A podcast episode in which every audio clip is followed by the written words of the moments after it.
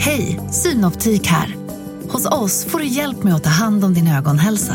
Med vår synundersökning kan vi upptäcka både synförändringar och tecken på vanliga ögonsjukdomar. Boka tid på synoptik.se.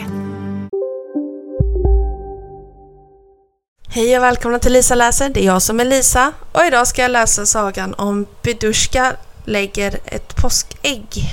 Tidigt på morgonen gol den stora gröna tuppen Kuckeliku!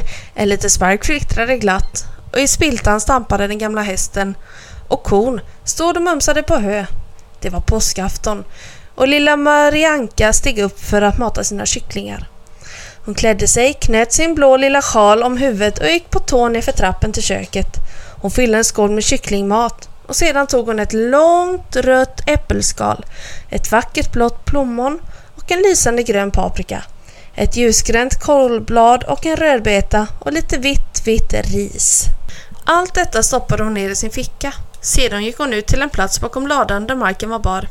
Pull, pull, pull, pull, pull, lockade Marianka sakta när hon strödde ut kycklingmaten. Pull, pull, pull, pull, pull. Och sen kom alla hennes kycklingar. Mariankas röda höna hade lagt små runda bruna ägg och hennes vita, ja, den hade lagt små vita ägg. Men hennes stora spräckliga Bidushka la stora spräckliga ägg. Åh, vad de var vackra! Marianka önskade sig så innerligt att Bidushka idag skulle lägga världens vackraste ägg. För imorgon, ja det var påskdagen. Hon ville så gärna överraska sin lilla syster Nanka med det vackra ägget. Det var därför hon hade alla de goda sakerna med åt Bidushka.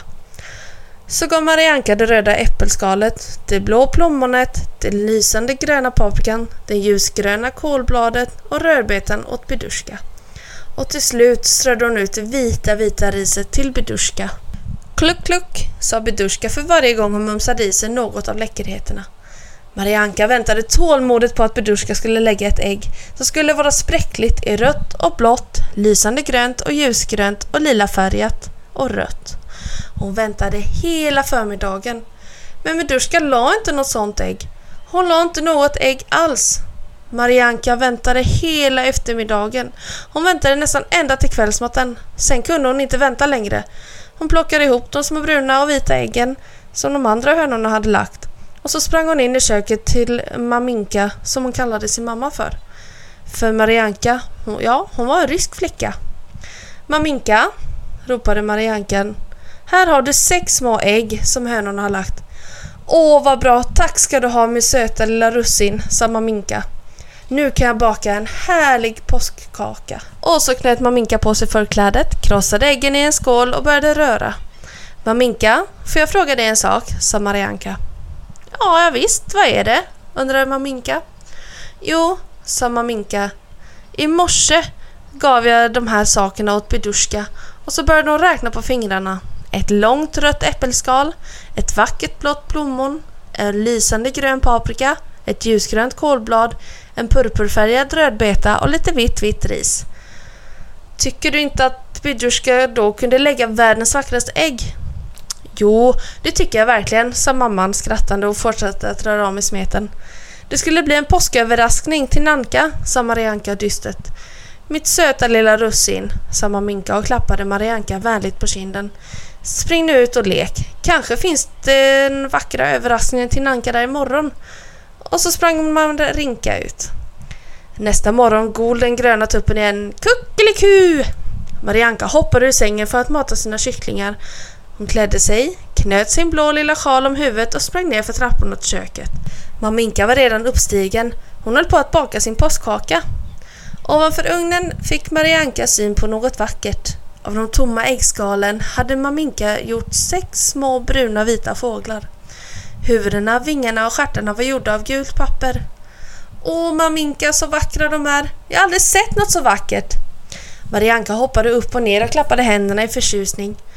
Det är min påskpresent till dig och Nanka. Ni får tre fåglar var. Marianka var så glad att hon fyllde skålen ända till randen med kycklingmat. Hon dansade ut bakom bladen för att mata sina kycklingar. Pull, pull, pull, pull, pull, pull, nu är det påsk! ropade Marianka muntert medan hon strödde ut kycklingmaten. Hennes röda höna, hennes vita höna och den gröna tuppen kom fram till henne. Men Bedushka kom inte. Var höll hon hus? Marianka rusade till hönshuset och ryckte upp dörren. Där fick hon syn på Bedushka som låg i sitt rede. Bedushka! ropade Marianka. Har du äntligen lagt ett ägg? Och, och, och, och, och, kluk, kluk, sa Bedushka och reste sig. Åh! ropade Marianka. Hon hade aldrig blivit så häpen.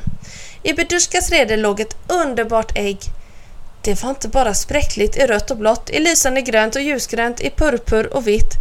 Det hade dessutom ett fantastiskt vackert mönster med ränder och blommor och fina som, som spetsar. Detta var faktiskt världens vackraste ägg. Åh, Bidushka, flämtade Marianka och kramade om sin spräckliga höna. Är det till mig? Och, och, och kluk, kluk, svarade Bidushka. Och snipp, snapp, snut så var denna saga om Bidushka slut.